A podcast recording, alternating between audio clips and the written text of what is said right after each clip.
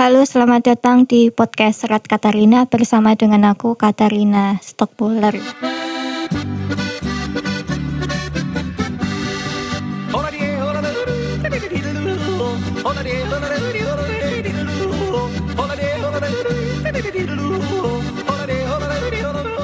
Jadi nggak terasa ya, ini udah episode yang keberapa ya aku sendiri lupa. Kayaknya ini episode yang ke-14. Jadi ya ya tinggal ini dua episode yang terakhir sih dari Serat Katarina season 1. Yeay. Udah udah lumayan banyak juga ya ternyata. Jadi di podcast Serat Katarina hari ini aku mau membahas mengenai uh, pengalaman aku nih waktu ikut seleksi SKD. Jadi um, aku itu baru tahu ya jadwalku ujian itu hamin tujuh gitu. Jadi uh, sebelumnya itu aku tuh termasuk orang yang mungkin rada nyepelek sih sebenarnya.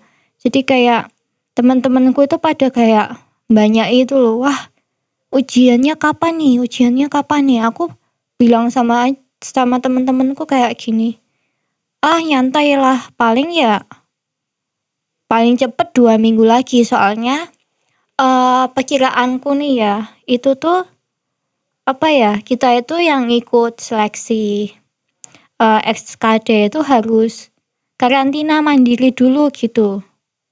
Paling enggak dua minggu gitu. Aku mikirnya kayak gitu ya. Eh, ternyata aku ujiannya minggu depan dan instansi yang aku lamar itu juga gimana ya enggak waktu itu enggak disebutin sama BKN kalau termasuk jadwalnya pertama gitu. Ya aku kaget gitu kok tiba-tiba ujianku awal September gitu. Dan untungnya waktu itu aku juga udah vaksin soalnya ya biaya ya lur sekarang nek nyari vaksin kan ya susah banget tuh.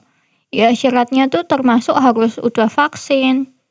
Terus swab juga ya. Jadi ya benar-benar ya serba ribet gitu sebenarnya kayak ujian CPNS di kala pandemi gini.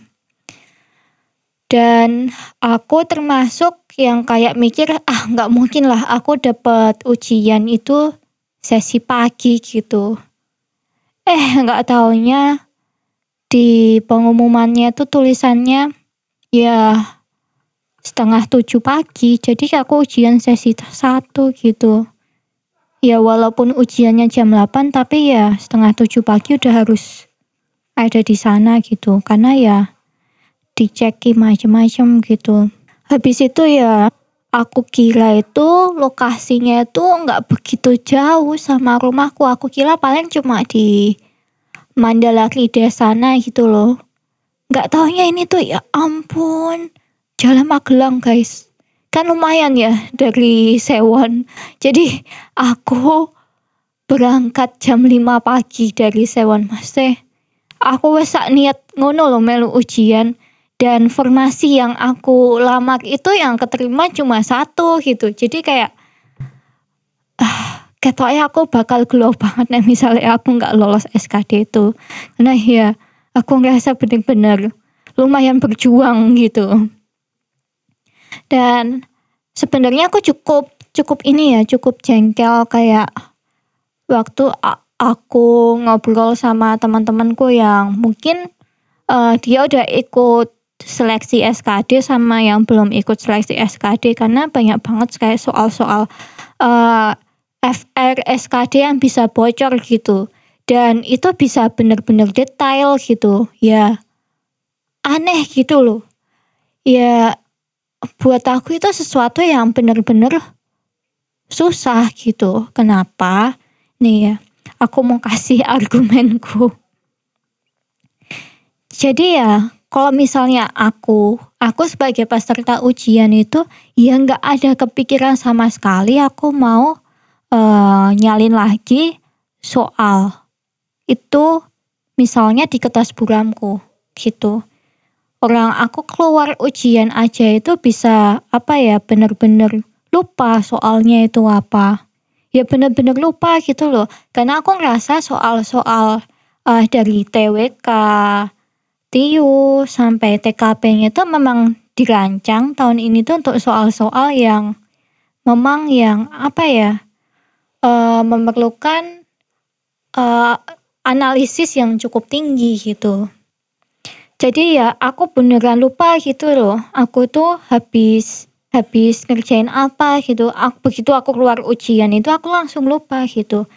Ya aku sempat mikir mungkin ya karena aku makin tua kemampuan mengingatku makin dikit atau gimana gitu. Aku ya gak begitu dong gitu. Ya aneh gitu sampai bisa ada soal FR yang begitu detail gitu. Misalnya sekalipun itu bisa bocor ya paling dari peserta-peserta yang kayak aku itu bocorin ya ya garis besarnya aja nggak bisa yang nyampe detail banget gitu soalnya tuh menurutku nggak nggak masuk akal gitu. Aku aja nginget satu soal aja nggak inget gitu soalnya karena bener-bener soal soal-soalnya itu panjang. Mungkin yang udah ngerasain ujian SKD bakal ngerasain hal yang sama kayak aku. Dan menurutku juga nggak adil kalau misalnya uh, kebocoran soal itu dituduhkan kepada peserta ujian karena ya ya buat apa gitu membocorkan soal ujian gitu. Karena ya balik lagi lah kalau misalnya soal-soal itu banyak yang bocor ya kembali lagi yang yang rugi itu siapa sih yang paling jelas? Pesertanya kan. Lagian kayak uh, kita di situ kan kita ya saling bersaing berlomba-lomba untuk mendapatkan nilai yang yang tinggi gitu. Sekalipun itu itu bocor ya ya susah sebenarnya benar-benar susah. Kenapa ya? Karena dari awal aja pengecekannya banyak yang ya ya pernah masuknya aja sampai pakai detektor. Terus habis itu selesai ujian itu uh, buramnya dikumpul? Makanya aku heran kok bisa sampai bocor gitu soalnya. Karena menurutku juga nggak mungkin. Dan buat uh, peserta-peserta kayak aku nih ya lebih baik kita menggunakan waktu kita untuk mengoreksi mengoreksi kembali jawaban kita gitu. Kalau misalnya udah selesai duluan gitu ya ya udah mending pulang aja nggak sih? Ngapain lama-lama di situ? Ya aku kemarin aja ngerjain tuh waktu waktunya itu kurang mungkin kurang 5 menit ya, ada 15 soal TIU yang belum aku kerjain gitu. Panik aku. Ya, aku sempat mikir kayaknya aku nggak bakal lolos passing grade. Eh nggak taunya ya, ternyata ya, ya ternyata untung aku bisa lolos ya Allah. Ya emang kayak gitu. Jadi aku sempat mikir nih sama teman-temanku, aku bukan bukan mau menuduh gitu ya. Sebenarnya kalau misalnya ya soal-soal itu bocor itu yang diuntungkan siapa sih? Ada pihak yang diuntungkan. Jadi kayak menurutku uh, dari awal itu emang ada impostor di antara peserta ujian. Weh. Ya ini cuma uh, menurutku aja ya jadi kayak Ya memang mungkin ya, mungkin ya aku nggak menuduh.